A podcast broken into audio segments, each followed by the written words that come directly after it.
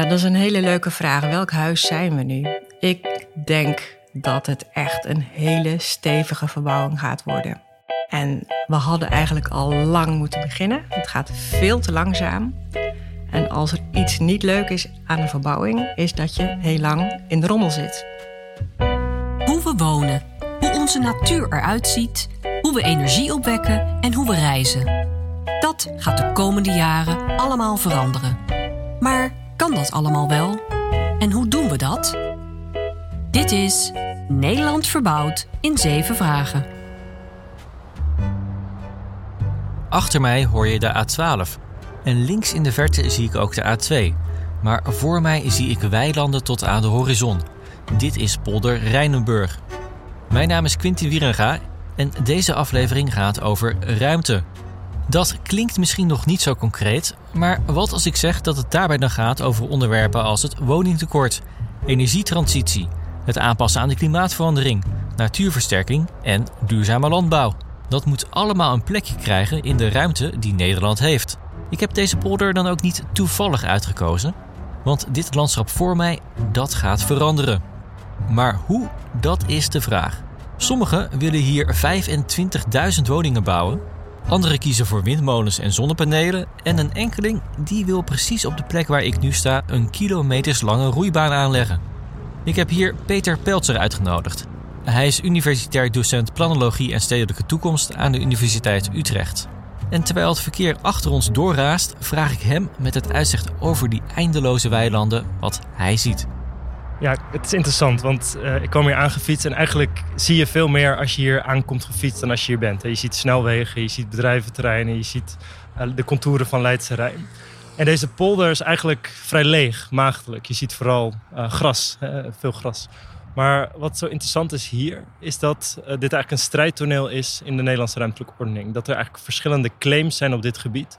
En die botsen ook met elkaar. Dus je ziet een, een duidelijke woningclaim. Hè. Naar verluid heeft de gemeente uh, eind van de vorige eeuw dit gebied ook aangeboden bij ontwikkelaars. Van hier kun je gaan ontwikkelen de komende tijd. Dus die hebben die posities aangekocht. Dus een duidelijke woningbouwclaim is natuurlijk een woningnood. Dus, dus dat is echt een eerste belangrijke claim.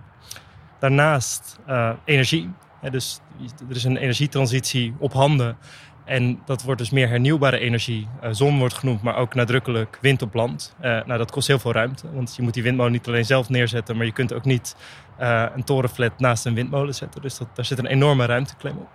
En wat je nu ook nog ziet, is uh, wat je klimaatadaptatie zou kunnen noemen. Dat benoemt het, uh, het waterschap hier vooral. Dat, dat je dus meer piekbuien krijgt, dat misschien de zeespiegel wel uh, gaat stijgen de komende eeuw. Ja, waar gaat al dat water naartoe? En zo'n polder kan dan heel, een hele belangrijke rol vervullen als wat je een retentiegebied noemt. En eigenlijk al die claims komen hier in dit stukje polder samen. En het is eigenlijk ook de, de, de laatste, het laatste echt open gebied van Utrecht. En dat maakt het ook wel spannend. En dat maakt het ook politiek heel erg beladen. Ja, het is nu toch een agrarisch gebied. Je hoorde net ook even een tractor voorbij rijden. Peter is duidelijk. Deze polder staat voor de schaarste aan ruimte in Nederland. En heel veel partijen willen dus iets met deze vierkante kilometers. Maar we moeten kiezen wat we doen. En die keuze moeten we wel overwogen maken, want terug naar die onbebouwde polder met die enorme uitgestrekte weilanden die we nu zien, dat kan later niet meer als je hier bijvoorbeeld woningen hebt gebouwd. Het is ontzettend moeilijk. Want als, als hier straks, uh, het, zal voor een, het zal een deel huur zijn, dat maakt het nog iets makkelijker. Want dan heb je bijvoorbeeld een corporatie als eigenaar. Maar als je allemaal mensen hebt die hier allemaal hun mooie huis met tuintje hebben, ja, die allemaal onteigenen om er toch maar een energielandschap van te maken. Ja, ga het maar eens proberen. Dat, dat leidt tot een volksopstand. Um, en dat denk ik ook wel, wel terecht. Hè. Je wil mensen een bepaalde zekerheid bieden. Maar dat maakt wel dat het moeilijk is om uh, van functie te veranderen uh, voor een gebied. En ja, er is nu eenmaal niet meer zoveel ruimte over in Nederland. Dus die schaarse ruimte, daar moet je heel zorgvuldig mee omgaan. En ik zeg dus ook niet, je moet per se niet bouwen. Maar mijn punt is eigenlijk, je moet daar heel zorgvuldig over nadenken. Je moet die lange termijn serieus nemen. En je moet ook gewoon transparant zijn over de, de, de economische belangen die daarachter zitten. Want dit is, die, dat speelt hier natuurlijk ook gewoon. Er zijn gewoon allerlei partijen die een financieel belang erbij hebben. Dat, dat is ook terecht. Die hebben dat gekocht uh, met, met die insteek. Nou, daar moeten we nu rekening mee houden. Die schaarse ruimte die we hebben, moeten we dus goed verdelen als we naar al die grote uitdagingen kijken. Dan moet je je eerst afvragen hoeveel ruimte we nu nog hebben. Utrecht heeft dus alleen nog Rijnenburg over voor grootschalige woningbouw of zo'n groot energielandschap. Of misschien toch die roeibaan. Je hoort ook vaak dat Nederland vol is. Maar is dat ook zo? Ja, zegt Jeanette van Antwerpen. Zij is lid van de Raad voor de Leefomgeving en Infrastructuur en regiodirecteur bij gebiedsontwikkelaar BPD. Maar, zegt zij, wel op een heel andere manier vol dan dat de meeste mensen denken. Ja, hoe vol is Nederland nu? Dat uh, lees je natuurlijk uh, vaak in de media, je hoort het ook. Uh, maar Nederland is vol op een manier dat elke vierkante centimeter van het land benut is. En dat is een manier van vol die heel veel mensen eigenlijk niet voor ogen hebben. de ene vierkante centimeter is natuur of water of een weg of een woning. Eigenlijk is alles benut. en zoals we dat in de planologie zeggen, elke vierkante centimeter in Nederland is bestemd. Alles heeft een functie en die functies kunnen veranderen. Dat is ook nodig, maar dat heeft vaak letterlijk voeten in de aarde. Jeannette vergelijkt de ruimte die we in Nederland hebben met een huis. Dat huis staat er al een tijdje, maar is toe aan een grondige renovatie. Ja, eigenlijk uh, kun je zeggen dat uh, Nederland toe is aan een hele grote verbouwing. Zoals je ook soms je huis verbouwt, hè, omdat het dak lekt of omdat de isolatie niet op orde is. Je hebt misschien nog wel enkel glas. Of misschien eh, heb jij nog eh, gas en wil je graag een warmtepomp. Dan ga je je huis verbouwen, maar dat doe je eh, wel op een doordachte manier. Je gaat niet in jaar één je dak doen en op jaar twee ga je weer je stoepje openmaken. Je probeert dat in samenhang te doen. En eigenlijk moeten we ook zo naar ons land kijken. Het is een soort verbouwing, want alles is al benut en bezet. Er is niet open ruimte dus ook niet stel je woont in, uh, in Amsterdam of Rotterdam en je denkt, ach, uh, daar in de polder in het oosten van het uh, land is nog wel ruimte voor wat windmolens. Nee, alles is bezet. Dus het zal een verbouwing zijn om al die nieuwe vragen weer een plek te geven. En als we die vergelijking met een huis maken, wat voor huis zijn we nu? Zijn we nu een complete opknapper?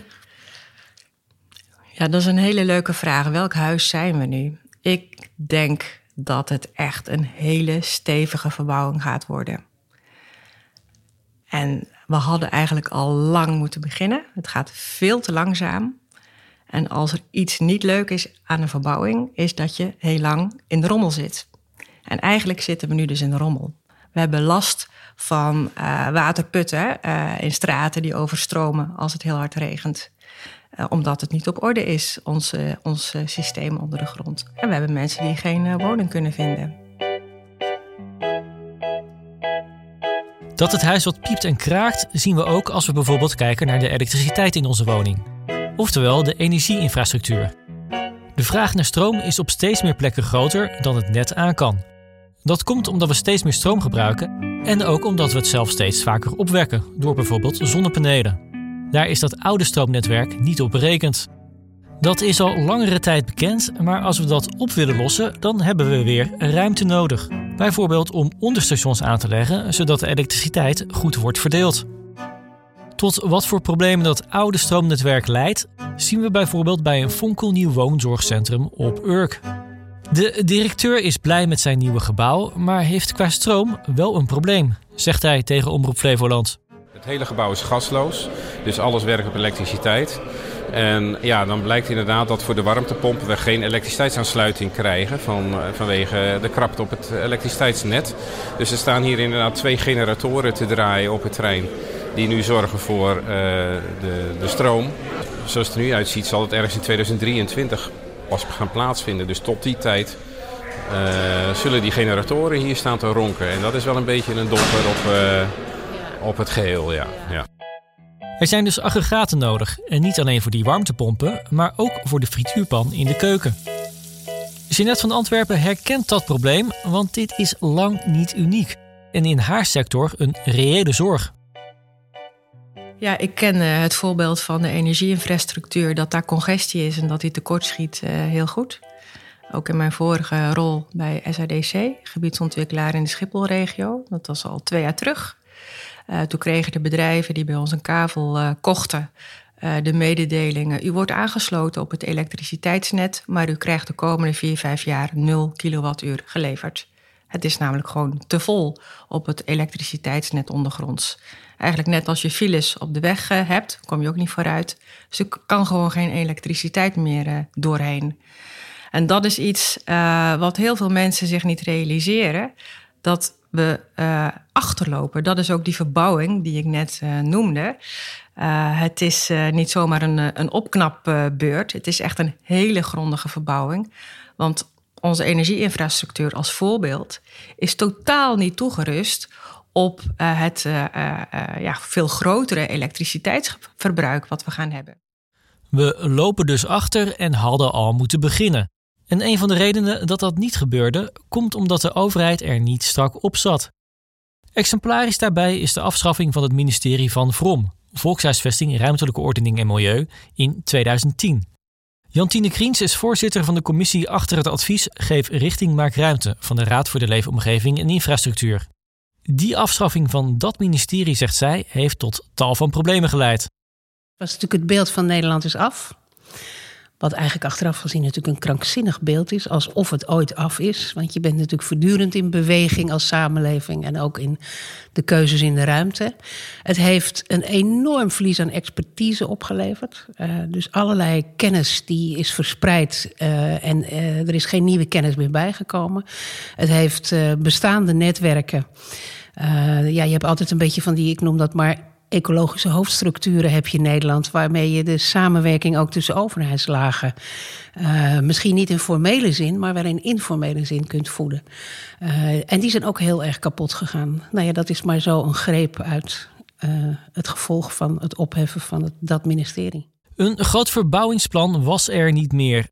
Het was alsof de hoofdopdrachtgever zei dat het wel mooi was geweest.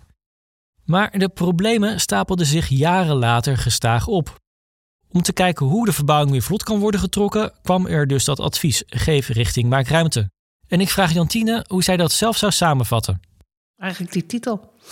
Dus um, laat niet alles maar op zijn beloop. Geef richting, maak keuzes die gebaseerd zijn op een idee over wat we met Nederland willen. En waar je ook gewoon met inwoners over hebt gesproken wat we met Nederland willen.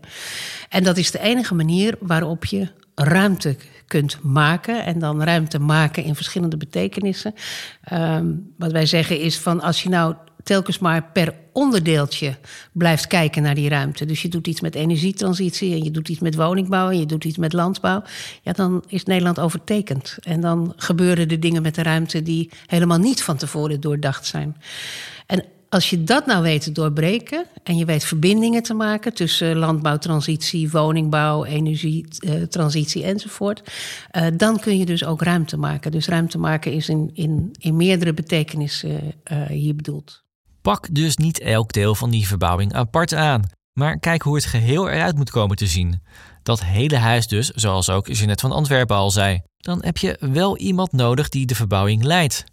In Rijnenburg is er tot nu toe vrij weinig gebeurd. Het is nog steeds dezelfde polder als 20 of 30 jaar geleden. Is daar dan de regie gebrekkig geweest? Vraag ik aan Peter Peltzer. Ja, zo zou je het kunnen zeggen, zegt hij, terwijl er een brommer achter ons langs sjeest. Je ziet dus wel dat er een aantal wisselingen van perspectief zijn geweest. Het is op een gegeven moment uh, moest, het een, moest er een woningbouw komen. Op een gegeven moment moest er, uh, werd het een energielandschap. Nu is wonen eigenlijk weer. Dus je ziet een soort veranderingen. En nou ja, dat hangt deels samen ook met dat dit een uh, lokaal vraagstuk is. Omgevingsvisies worden uh, lokaal vastgesteld en daarna omgevingsplannen. En we hebben ervoor gekozen om te decentraliseren hè, als nationale overheid. Dus niet meer te zeggen we gaan vanuit het Rijk meer sturen. En je ziet nu dat daar een beetje op teruggekomen wordt. Dat, dat de nationale overheid in ieder geval de ambitie heeft, het nieuwe ministerie van VRO, om meer, uh, voor VRO moet ik zeggen, om meer de, de lijnen te gaan uitzetten. Ja, we gaan dus weer een beetje terug naar vroeger. Straks ook meer over de minister voor Vrouw. Eerst even terug naar dat recente verleden. Bij Rijnenburg ligt een prachtig voorbeeld letterlijk om de hoek. Want aan de andere kant van de A12, waar ik met Peter sta, ligt Leidse Rijn. Een enorme wijk die er vroeger niet eens zo gek veel anders uitzag als Rijnenburg nu. Riek Bakker is befaamd stedenbouwkundige. Haar grootste projecten zijn Kop van Zuid in Rotterdam en dus ook Leidse Rijn. En ik ben natuurlijk heel benieuwd hoe het haar is gelukt om die wijk vorm te geven. Het belangrijkste, zegt zij, is dat ze met iedereen heeft gesproken. Met elk clubje dat ook maar iets met dat gebied te maken had. En dat waren er nogal wat. En de eerste gesprekken die voerden ze met de burgemeesters van Utrecht en toen nog gemeente Vleuten de Meer. Dus ik heb tegen die, eh, eerst begonnen met die burgemeesters bij elkaar te brengen. Want die, die, die, ja, die zagen elkaar wel, maar de burger, toenmalige burgemeester van Utrecht was nou niet bepaald een bouwburgemeester. Vonden die anderen allemaal een beetje lacherig deze daarover. Dus de burgemeesters bij elkaar, gemeenteraden bij elkaar, toen een plan gemaakt. En toen heb ik gezegd: ik ga een plan voor jullie maken. Daar ga ik een jaar over doen. Ik doe een half jaar uh, een plan werkelijk in elkaar sleutelen en een voorstel doen. En ik doe dat andere half jaar ga ik aan participatie doen. En dan ga ik zorgen dat ik jullie tenslotte iets voorleg waarvan ik zeker weet dat als je het aan de mensen uit Utrecht of de clubjes of wat dan ook vraagt, dat ik een meerderheid heb. Want anders hebben jullie een probleem. Dus ik heb gezegd, die participatie is essentieel voor het überhaupt beginnen aan zo'n plan voordat je dat uh, voor elkaar krijgt. Met de input die ze kreeg, kon ze dus vervolgens aan de slag. En dat deed ze met haar eigen ontwerpteam, om zo onafhankelijk mogelijk van de gemeente te kunnen opereren. En toen heb ik gezegd, nou, als ik dat nou meeneem en jullie geven mij het vertrouwen dat ik dat doe, dan stel ik een ontwerpatelier in. Daar haal ik de beste ontwerpers in mijn ogen die je kan vinden in Nederland. Die gaan in het atelier zitten. Daar hoeven jullie je verder niet ongerust over te maken. Die stuur ik aan. Hoef je helemaal niet mee te praten, zelfs als je niet wil. We komen natuurlijk altijd wel langs. Dat deed ik ook expres, want ik merkte... Er was een groot verschil met Rotterdam, dat de wethouders toenmalig waren. Die wouden regelrecht met die ontwerpers praten. Toen heb ik gezegd, luister, dat, dat, dat mag je wel, maar dat is niet verstandig. Want dan ga je één op één als een bestuurder met een ontwerper spreken. Terwijl ik jullie straks als uh, college of later als gemeenteraad moet vragen: kun je met het plan wat we nu hebben leven en kun je begrijpen dat dit een eerste stap is op weg naar. Dus die interventies van persoon naar persoon, die kun je eigenlijk in dit werk niet hebben. Die kun je alleen maar hebben met participatie. Dus wat ik ze moest uitleggen eigenlijk was wat gebiedsontwikkeling was. Ja, belangrijk dus hier. Het team van Riek Bakker kreeg het vertrouwen van de twee gemeenten en alle andere betrokken partijen. Door te werken met een eigen ontwerpatelier en ontzettend veel tijd in participatie te steken, kon ze een integraal plan maken dat voor alle partijen werkte. Op die manier ontstond bijvoorbeeld ook het idee om de A2 bij Leidse te ondertunnelen, zodat de wijk niet werd afgescheiden door een gigantische snelweg van de rest van de stad Utrecht. We missen nog één belangrijk ingrediënt waarom het daar in Leidse Rijn uiteindelijk allemaal lukte. En dat is urgentie. Ook Leidse Rijn kwam eerst niet van de grond, terwijl het wel was aangewezen als belangrijkste Finex-locatie. Maar toen hadden we dus nog het ministerie van Vrom dat streng kon optreden als iets maar eindeloos bleef duren. En die druk werd gevoeld, zegt Riek Bakker. En daarna zeiden ze, als jullie daar in Utrecht en omstreken nou niet doorwerken, nou niet opschieten, dan gaan wij het voor jullie doen. Nou, als er één ding is wat, wat bestuurlijk uh, een afgang is, is dat Den Haag komt met een ploeg en die gaat in jouw gebied een plan maken. Want er was al zoveel tijd aan verspild en gedaan, dat ze zeiden, nou, uh, druk erop, nou gaan we doorwerken. Dus en die druk erop, die maakte dat als ik dit voorstel deed, dat zij ook zei: Nou, laten we maar doen, laten we doen. Ja, en dat is dan weer een mooi bruggetje naar deze tijd, waar ook de urgentie steeds meer wordt gevoeld. Dat zien we terug in de stappen die de overheid zet. Zo hebben we weliswaar geen ministerie van Vrom, maar wel een minister voor Vro, oftewel Volkshuisvesting en Ruimtelijke Ordening. Jeanette van Antwerpen vindt het goed dat die minister er is, maar ze plaatst ook een kanttekening. Het is ongelooflijk belangrijk dat er nu een uh, minister voor uh, ruimtelijke ordening en, en wonen is. Uh, het is wel jammer dat het alleen hè, wonen, alleen volkshuisvesting is. Want ruimtelijke ordening gaat over heel veel onderwerpen. We stipten er net al wat aan: energie, natuur, landbouw, ehm, mobiliteit.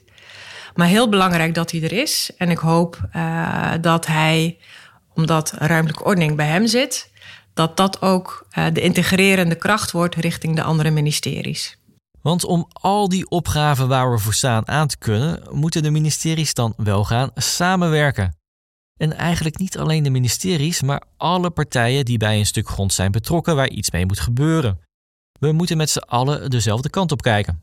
Ja, je kunt alleen maar resultaten boeken als, uh, als je iets wil. Als je ook echt een doel wil bereiken en als je ook samen hetzelfde doel wil bereiken. Dat is één. En je kunt ook alleen maar resultaten bereiken als je niet vanuit macht denkt, maar echt vanuit samenwerking. En dat je echt schouder aan schouder staat. En ook een urgentie voelt om iets te bereiken. Ik denk dat we dat ook in de afgelopen tijd wel, wel hebben gezien. Uh, bijvoorbeeld toch ook wel in de aanpak van de coronacrisis. Er is een urgentie en dan is er ineens veel meer mogelijk dan we daarvoor dachten. Neem alleen maar bijvoorbeeld het thuiswerken. We, wisten niet dat dat eigenlijk zo goed en makkelijk zou, uh, zou kunnen. Dus uh, resultaten bereiken begint met samen willen begrijpen wat het doel is wat je wil bereiken. En dan met, met de verschillende ja, stakeholders, partijen in een gebied. Want iets slaat altijd neer in een gebied om de tafel gaan. Dat zijn niet alleen de mensen van de overheid, dat zijn ook bewoners, dat zijn ook ondernemers. Dat is ook het waterschap bijvoorbeeld, dat zijn bedrijven. Want iedereen heeft een rol uh, om een bepaald resultaat te bereiken. Nou, neem het voorbeeld uh, woningen bouwen. Dan heb je eerst grond nodig.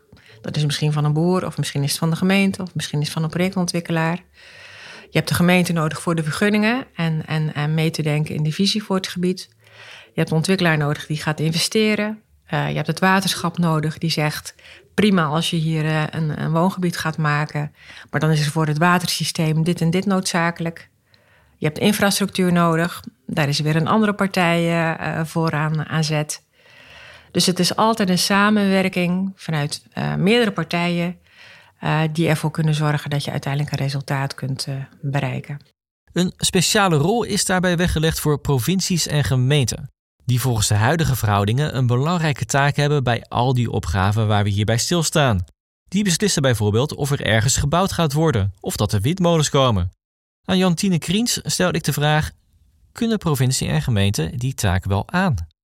Nou ja, dat is een wel heel algemene vraag. En daar moet ik gewoon nee op zeggen op dit moment. Um, want je ziet dat het ontbreekt aan voldoende uitvoeringskracht.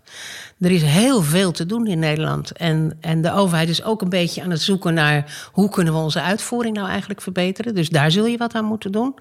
Er is heel veel te doen in uitvoeringskracht verbinden. Hè. Dus als ik zeg van landbouwtransitie, energietransitie, uh, je moet het niet allemaal los van elkaar doen. Dan heb je ook mensen nodig die, die die verschillende terreinen snappen en die de verbinding tussen die verschillende terreinen kunnen maken. We hebben ontwerpers nodig, we hebben mensen nodig die veel creatiever dan nu, à Riek Bakker, zoals ze dat deed bij de, kop, bij de Kop van Zuid, na kunnen denken over hoe gaan we hier nou samen met inwoners aan de slag.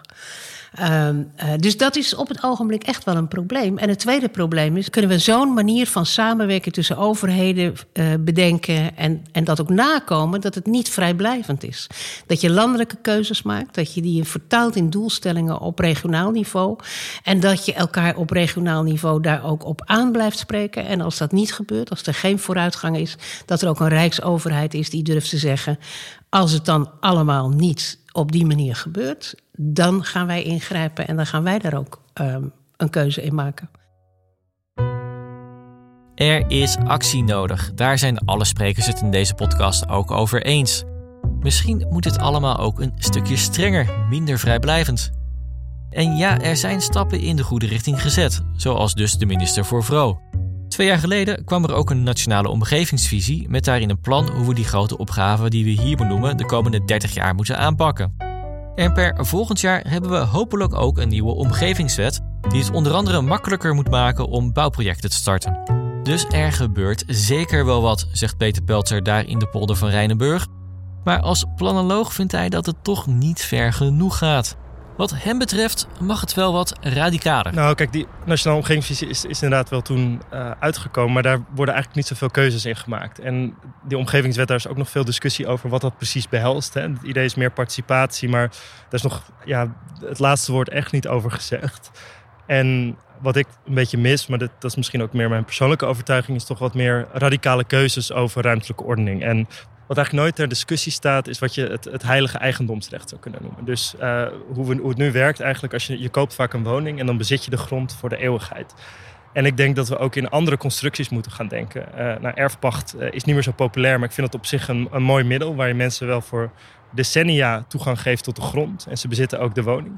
maar je kunt daarna ook nog bijsturen. Als je zegt, ja, we willen toch iets anders met een gebied. En nu doen we het zo dat als je eenmaal een, woning koopt of iets anders, dan bezit je dat voor, voor de eeuwigheid. En onteigenen is heel moeilijk. Dat hebben we, dat is, uh, het kabinet Den Uyl heeft dat nog geprobeerd in de jaren 70. Dat is daarna eigenlijk nooit meer op tafel gekomen.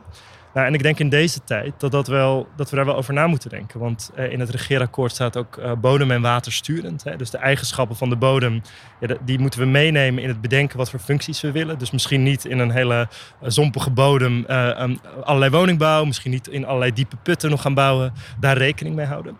Maar dat betekent dus ook dat je op een gegeven moment misschien wil bijsturen. Dat je misschien in 2060, 2070, hè, als het zo is dat die zeespiegel inderdaad stijgt, is onzeker, maar het risico is er dat je de mogelijkheid hebt om bij te sturen. Maar nu is dat ontzettend moeilijk, omdat uh, eigendomsrecht zo sterk is. En ik denk dat we, je moet mensen wel zekerheid blijven bieden. Dat is denk ik de kracht van, van, het, van het eigendomsrecht. Dat je niet uh, de volg, volgende week uit je huis gezet kunt worden. Maar ik denk dat er wel tussenvormen denkbaar zijn. Want ik vind het uh, filosofisch ergens gek dat je grond voor de eeuwigheid bezit, maar niemand is onsterfelijk. Dus waarom zit grondeigendom bijvoorbeeld niet vast aan, aan hoe lang je leeft? Het wordt dus inderdaad een beetje filosofisch en voor een politicus gaan deze plannen heel wat te ver, geeft Peter ook zelf toe. Maar wel interessant om te zien dat een planoloog een veel verdere horizon hanteert dan de politicus, die soms vooral in cycli van vier jaar denkt. Want inderdaad, wat doe je in Rijnenburg als je daar in 2072 opeens met natte voeten staat? Geen ireo scenario. Ook Riek Bakker vindt dat de politiek er meer werk van moet maken om vooruit te kijken. Zij ziet nieuwe locaties à la Leidse Rijn voor zich, alleen dan buiten de Randstad, ook omdat die gebieden hoger liggen. Denk aan steden als Arnhem, Nijmegen, Eindhoven, Enschede. En als je daar gaat bouwen, zegt zij, kijk dan ook direct hoe dat in relatie staat tot al die andere grote vraagstukken. Dat vraagt een visie. Dus maak als het ware een quick scan voor Nederland met al die problemen die we hebben. En zeg dan, nou, als ik nou Nederland voor me zie, wat is dan de beste grove schets die ik kan maken voor Nederland in relatie tot al die opgaves die we hebben. En laten we dan als uh, de, de Haagse regering, nationale regering en Europa kijken hoe we dat moeten doen, wat we daarvoor nodig hebben, wat dat ongeveer gaat kosten. Laten we een wet maken, laten we dat dan daarin gieten en laten we kijken naar hoe dat bijvoorbeeld met de Delta-wet is gegaan dan hoeven we niet iedere vier jaar al die politici weer bij te praten op. Uh, ja, we, zijn, uh, we moeten dit en moeten dat en we moeten opnieuw geld hebben, want dan krijgen we het weer niet. Dus je, je kunt als het ware in één klap nu zeggen: Nou, laten we dit kabinet eraan besteden om een quick scan voor Nederland te maken, waarin we die dingen allemaal op elkaar afstemmen. Want iedereen gaat zijn eigen ruimte pakken. En onze ruimte wordt schaars. Of doordat er meer water komt, of omdat er meer uh, natuur moet komen, enzovoort, enzovoort. Dus dat moet je nu bij elkaar doen. Want als je dat niet bij elkaar doet, dan gaan we dozen bouwen. Dan gaan we overal zonnepanelen leggen. En dan iedereen gaat zijn ding doen op, op een stuk grond. Terwijl we zover zijn dat je moet stapelen. Net zoals we in Leidse hebben moeten stapelen. Want je kan het niet allemaal voor elkaar krijgen. Alleen maar door platte walsen. Dus je moet die dingen met elkaar proberen en willen combineren. En het allerbelangrijkste is, je moet Nederland het vertrouwen geven dat je dat op een goede manier doet. Ja, het is een van haar stokpaardjes. Een goede communicatie is essentieel. Laten wij dan in deze podcast ook even de stip ver aan de horizon zetten. Laten we niet vooruitkijken naar 10, 20 of 30 jaar, maar naar het jaartal 2100. En stel dan dat we al die grote uitdagingen, het woningtekort, de energietransitie, duurzame landbouw, het aanpassen aan de klimaatverandering, natuurversterking, allemaal hebben aangepakt. We komen terug bij Jeannette van Antwerpen en haar vergelijking. We hebben dus flink verbouwd. Hoe ziet dat huis dat Nederland is er dan in haar ogen uit? Ja, in 2100 um, is nog steeds elke vierkante centimeter in Nederland bezet. Ik zou dat niet zozeer als uh, vol noemen, meer dat alles bezet is. Ik denk dat het tegen die tijd minder vol voelt dan nu, omdat we in staat zijn geweest om veel meer te combineren. Dus dat de natuur uh, ook in de stad is, dat die in elke straat is. Dat als jij je huis uitloopt, dat je uh, direct kan genieten van het gefluit van vogels en bloemen en planten. Dat we ook minder geluidsoverlast zullen hebben omdat we uh, volstrekt zijn overgegaan op uh, uh, ja, duurzame energie. Dus ik ben heel optimistisch over 2100. Ik denk, als we onze doelen gehaald hebben, dat het dan ons gelukt is om ons huis heel schoon te hebben, veilig te hebben, gezond te hebben en ook een huis waarin mensen elkaar heel graag ontmoeten. Een mooie plek om te wonen dus, maar daar moeten we nog wel veel, heel veel voor doen. Een van die plekken die in ieder geval gaat veranderen is deze polder, Rijnenburg, hier met de A12 in mijn rug, die tegen die tijd dan misschien ook wel een stukje stiller is. Maar hoe deze polder ook gaat veranderen, dat blijft nog even spannend. De plannen zijn nog niet definitief, maar laten we hopen dat er veel participatie is, er goed naar de toekomst wordt gekeken en dat alle vraagstukken die hier liggen gezamenlijk worden aangepakt. Dit was het voor deze aflevering van Nederland verbouwd in 7 vragen. Vond je deze podcast leuk en interessant om te luisteren? Abonneer je dan. En op de site van de Raad voor de Leefomgeving en Infrastructuur vind je ook een volledige transcriptie van deze podcastserie. Mijn naam is Quinty Wierenga. Graag tot de volgende aflevering. Nederland verbouwd in 7 vragen is een podcast van de Raad voor de Leefomgeving en Infrastructuur. Meer weten? Kijk op rli.nl/podcast.